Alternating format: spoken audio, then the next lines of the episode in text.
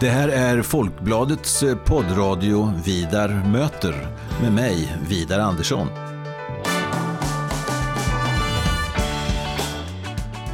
Jag är eh, chefredaktör på Folkbladet och jag är också ansvarig för Folkbladets ledarsida som eh, skrivs utifrån en oberoende socialdemokratisk hållning. Så i den här poddradion kommer jag att möta politiska personer av olika slag och vi ska ha ganska så korta och hoppas jag rappa samtal om stora och små samhällsfrågor. Varmt välkommen till Vidar möter.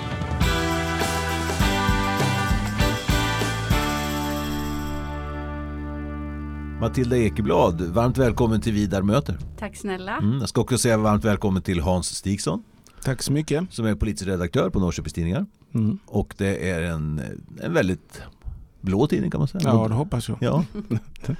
Moderat. Mm. Moderat, Ja. mörkblå. Mm.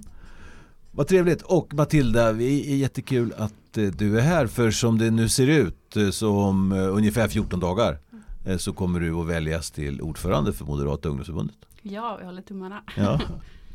Hur har du kommit på den idén då? Eller vem har, någon annan som har kommit på idén? Eller? Nej, men jag har väl alltid haft stora mål och drömmar och eh, jag har eh, jobbat hårt i det här förbundet nu i sju år snart så Mm. nu är det dags. Ja. Du är 24 år. Ja, Ja. Och du gick med i Moderaterna som ett, en slags revolt har jag läst någonstans. ja, jag kommer ju från Boxholm och där är det ju väldigt socialdemokratiskt. Jag vet inte när jag brukar säga att Socialdemokraterna har styrt alltid så låter det ju som ett skämt men jag tror att det, det är väl sant. Jag tror Mm. aldrig Moderaterna har styrt där. Och man röstar väl på Socialdemokraterna för att ens föräldrar röstar på Socialdemokraterna. Min eh, klassföreståndare var Johan Pirat som är ett eh, känt socialdemokratiskt namn. Och eh, jag ville väl helt enkelt göra revolt. Så i högstadiet så gick jag med i MUF för Mm. att eh, göra lite tvärt emot och sen så insåg jag väl också att jag håller med Moderaterna och att det faktiskt var ett bra val. Men det var mer så, eller du kommer inte från en politisk familj, alltså partipolitisk familj eller? Nej, min pappa är eh, bonde och min mamma är personlig assistent och det är inget, eh, eh, det är inget politiskt engagemang där. Min Nej. mamma gick på någon SSU-kurs när hon var liten har jag fått Ja. höra men hon vill gärna glömma det och jag tror det var lite som att ja men vissa går i kyrkans barntimmar, andra gör något annat och Mm. i Boxholm så gick man på SSU-kurs. Mm. Och just nu Matilda så är du ordförande för Östergötlands unga moderater. Ja. Eh, Östergötlands eh, skriver du på Facebook eller vad det var, största och roligaste. Ja, Ja, absolut. det där, jag har ju min bakgrund i SSU. Ja. Jag kommer ihåg att det var ofta sådär att eh, det var lite roligare på MUF. Mer danser och fester och Ja. sprit på den tiden. Ja. Så är det säkert inte nu. Nej, Nej. inte riktigt men vi har roligt ändå. Ja. Hans Stigson, har du någon bakgrund i Nej, ungdoms- inte direkt. Eh, från Ängelholm så är det ganska annorlunda bakgrund än vad du har. Påminner mer om Klippan. Det är Boxholm och Klippan. Lite skönt. Det, finns liksom, det går lite om lott, eh, kommunerna i Skåne. Eh, men jag var inte särskilt aktiv i MUF. Jag var med en kort stund dock. Utan det var mer i studentvärlden Mm. som jag gjorde, började istället. Men jag känner till er Ja. väl. Ja. det, Det är 14 000 medlemmar nationellt. Ja. Ja, och där är ni störst. Ja, det beror väl på. Vi är störst när det kommer till liksom, det man får räkna som bidragsgrundande medlemmar. För sen kan man ju ha olika åldersskillnader. Att vissa har ju upp till 35 och Mm. vissa, är, jag vet, jag tror det är SSU får man väl vara stödmedlem hur länge som helst. MUF har ju en 30-årsgräns och sen går det inte att vara medlem längre. Mm. Så om man räknar liksom medlemmar under 25 som man gör då om man ska räkna på nationellt håll, då är vi störst. Mm. Jag skulle vilja höra med er båda, Matilda Ekeblad och Hans Stigson. Eh, I senaste SCB då, som kom i juni eh, så visade det sig att eh, Moderaterna då var största parti bland unga människor mellan 18 och 29 år. Nästan 27 procent om jag kommer ihåg rätt. Varför finns sån dragningskraft på ungdomen? Vad säger ni? För det är inte första gången som Moderaterna brukar ligga väldigt bra till hos ungdomen. Nej men jag tror, eller man funderar ju väldigt mycket på det här och det är väldigt roligt och jag skulle säga att det är ett styrkebesked för Moderata ungdomsförbundet också. Vi är ju väldigt närvarande och det tror jag har att göra med att vi är störst men sen tror jag också att det handlar om min generation och hur man ser på sin framtid. Vi ser väldigt ljust på framtiden, min generation. Och, men även hur man, man vill klara sig mer själv. Jag ty, och många tycker att de här med livsstilsfrågor, men hur man lever sitt liv är väldigt viktigt. Och där skulle jag säga att det handlar ju framförallt kanske då om man ska säga det ett mm. riktigt muffsvar, men alltså frihet från staten. Och att det har att göra med att man, vi är ganska stora bland unga, beroende mm. på hur man ser då på framtiden. Mm.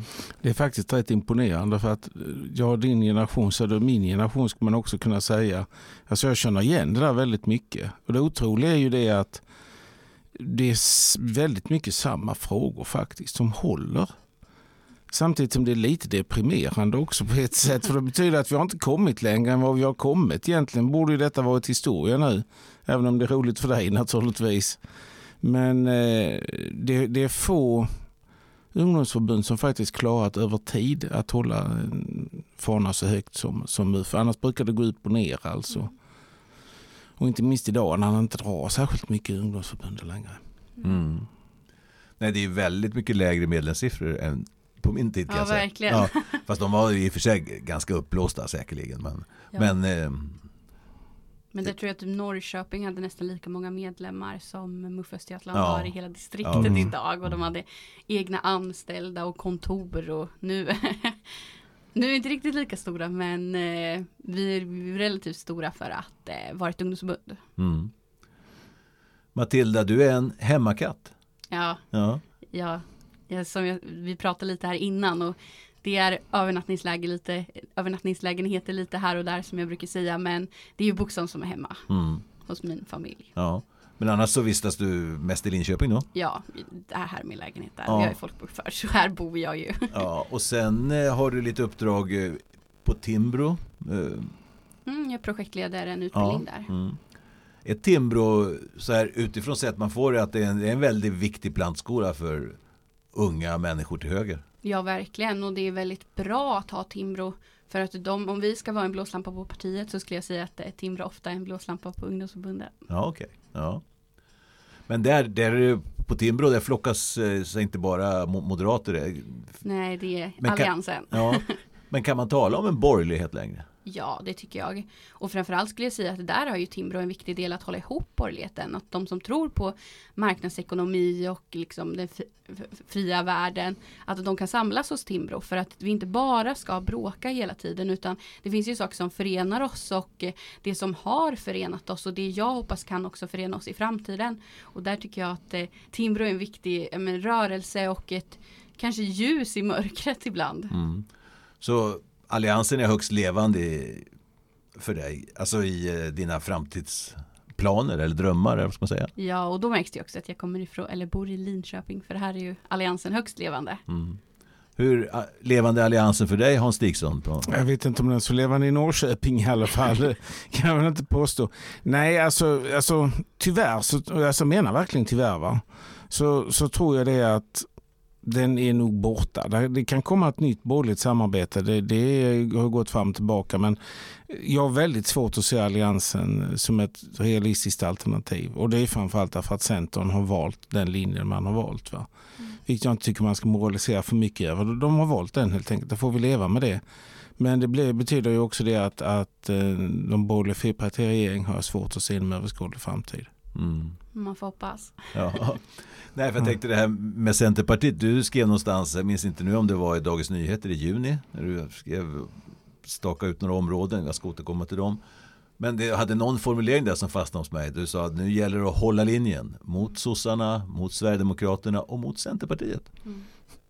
Det var, mm. man måste hålla linjen mot dem eller? Ja, och framförallt måste man ju då också, men vad ska man säga, inte rätta sig in i ledet men alltså komma in i borgerligheten igen. Nu är det ju de som faktiskt valt att ta, vara avståndstagande och ta men, en armlängds avstånd från mycket av det borgerligheten har stått för och det den borde stå för. När man har presskonferenser med Stefan Löfven och mm. eh, i princip målar Moderaterna som sin största fiende efter Sverigedemokraterna. När mm. det borde vara att de största fienderna det är ju faktiskt eh, ja, men de partierna som inte tror på ja, Mm. friheten. Ja. Du låter som Pertti Olsson, gamle chefredaktören på Sydsvenskan. Han var ju naturligtvis oppositionell mot Socialdemokraterna men framförallt var han nog mot oppositionell mot Centern. Ja. Den gav han sig på hela tiden. Men jag tycker det är rätt. Mm. Ja, det låter ju inte som om, eh, ja, det är ingen direkt ljuv musik i alla fall. Så här, alltså, de, den borgerlighet så som vi känner den. Nej, men alltså jag tror det är övertonerna också. Ja. Alltså, givet det parlamentariska läget, jag tycker inte om det.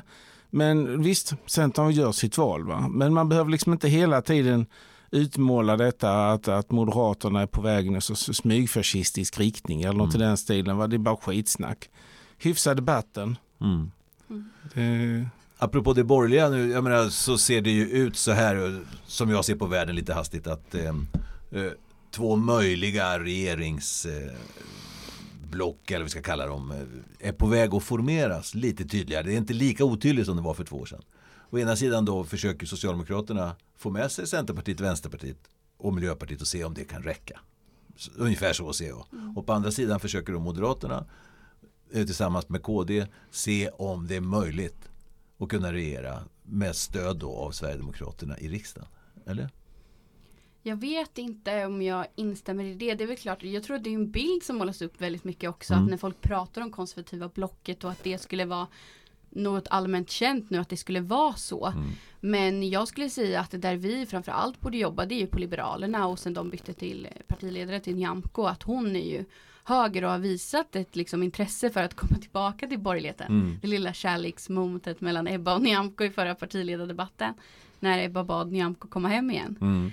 Och att, men jag tror också att man går mer och mer mot att lite innan valet 2014 att våga söka stöd i enskilda sakfrågor. Att våga bilda en regering, till exempel M och KD eller med L också. Men att söka stöd, för det finns ju frågor där man håller med egentligen alla partier. Men att det kommer nog bli svårt framöver när man, där vi inte har något, två kanske renodlade stora partier som kan bilda regering med hjälp av lite mindre. Så jag tror att det kommer handla om att det är just sakfrågorna man måste söka stöd i. Mm. Oavsett om man är moderat eller socialdemokrat. Men för dig då som förmodligen till 99% här blivande ordförande för det Moderata ungdomsförbundet, Sveriges största ungdomsförbund, om, om vi räknar på det sätt som vi gjorde i inledningen i programmet här. Du kan, du kan leva med att eh, regera med hjälp av Sverigedemokraterna. Jag vill inte regera ihop med Sverigedemokraterna. Framförallt vill jag inte ge Jimmy Åkesson någon eh, justitieministerpost eller någon annan ministerpost. Så att eh, jag hoppas på att valresultatet efter hårt kämpande av Moderata ungdomsförbundet är till vår fördel så att vi kan ha en borgerlig politik för det som är och vi sätts bara senast där med 10 000 till alla vuxna i Sverige. Det är ju faktiskt att Sverigedemokraterna är sossar. Mm. Är de det? Säger du Hans? Eh, många är det, fast det är nog fler moderater. Ibland går det ihop lite grann. Så det, det är inte... Det, eh, det kan vara lite svårt att avgöra faktiskt. Alltså. Men det, det, eh, det är mycket det som gjort att Sverigedemokraterna är så stora. Att de är som inget annat parti tidigare lyckats ta väljare från både Moderaterna och Socialdemokraterna. Mm. Sen ska man komma ihåg detta att Moderaterna går ju ändå ganska bra opinionsundersökningarna. Va? Och Socialdemokraterna fortsätter kräftgången kan man ju säga. Så det är ganska tydligt var väljarna tar vägen. Mm. För jag tänkte på det. eh, Till syvende och sist så handlar det om att eh, om man har en statsministerkandidat att, eh, att den måste bli accepterad av riksdagen. Så att säga. Och då handlar det om att ge och ta och, och sådär. Och det kommer ju ingen undan. Nej. Nej. Men jag inväntar valresultatet. Ja, ja, det är bra. För jag menar, för man talar om borgerligheten, precis som Hans Stig är inne på, så är ju inte, som jag ser på det i alla fall, så är inte Sverigedemokraterna ett särskilt borgerligt parti. Nej. Eller hur? Det är ett Nej, eget parti. Egen, Nej, åtminstone inte helt och hållet. Va? Alltså det, det är vissa frågor, visst det går säkert, andra är de helt ute. Sen har det gått lite fram och tillbaka helt enkelt. Alltså, jag vet till exempel, ta en sån sak som friskoledebatten när man hade i Lund var för några år sedan, man hade kongress där, Sverigedemokraterna, ja partidagar eller vad det är de Mm. kallar det för. Men, men i alla fall, och då visade sig det att det spann ju precis från alla de som vill ha det ännu liberalare till de som vill totalförbjuda. Därför det var en fråga man aldrig debatterat internt innan man liksom inte är intresserad av. Mm. Och det visar ju också det att, att det sverigedemokratiska ideologibygget, eller vad man ska kalla det, det är inte klart. Alltså man, man vet inte riktigt var man står i många frågor fortfarande. Mm. Du, jag har läst en hel del av dig, eh, Matilda Ekeblad. Du, du tycker om att, att skriva och du tycker om att diskutera, argumentera. Ja, Ja. Det, det gör jag. Ja, Och ännu mer nu tänker jag att det blivit under coronapandemin. ja. Man har inte lika mycket kunnat vara ute och eh, träffa men, medlemmar och Mm. blivande medlemmar. Så då har det blivit väldigt mycket skriva, Ja. läsa, debattera. Mm.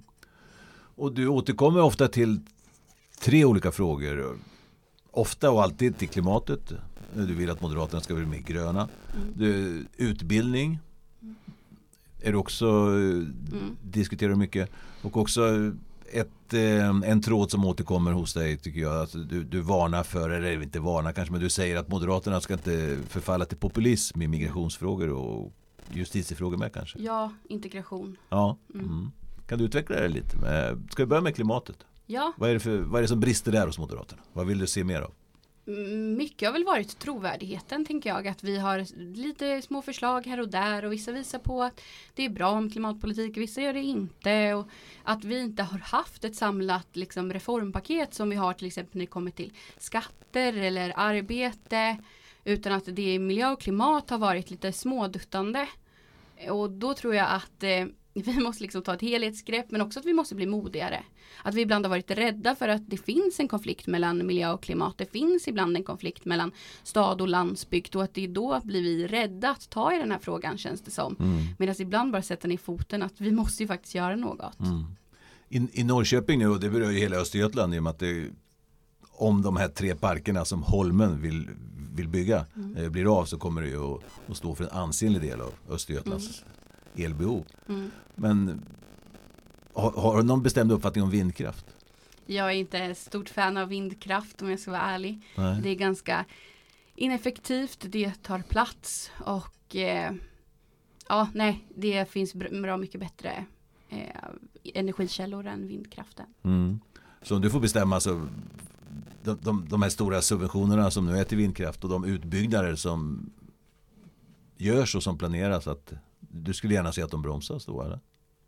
Nej, utan om det är enskilda företag som vill ha de här så tycker jag att det är absolut eh, det är deras rätt att göra det men att eh, det är, idag så särbehandlar man ju kärn, eller vad säger jag, idag eh, ja, vindkraften och att det på något sätt gör ju att det blir extra bra att använda det här medan det kanske inte är det men om man ser till liksom effektivitet. Mm. Och att ofta där vi hamnar i den här debatten vindkraft, solkraft, kärnkraft och Mm. då slår jag ju alltid slag för kärnkraften. Ja.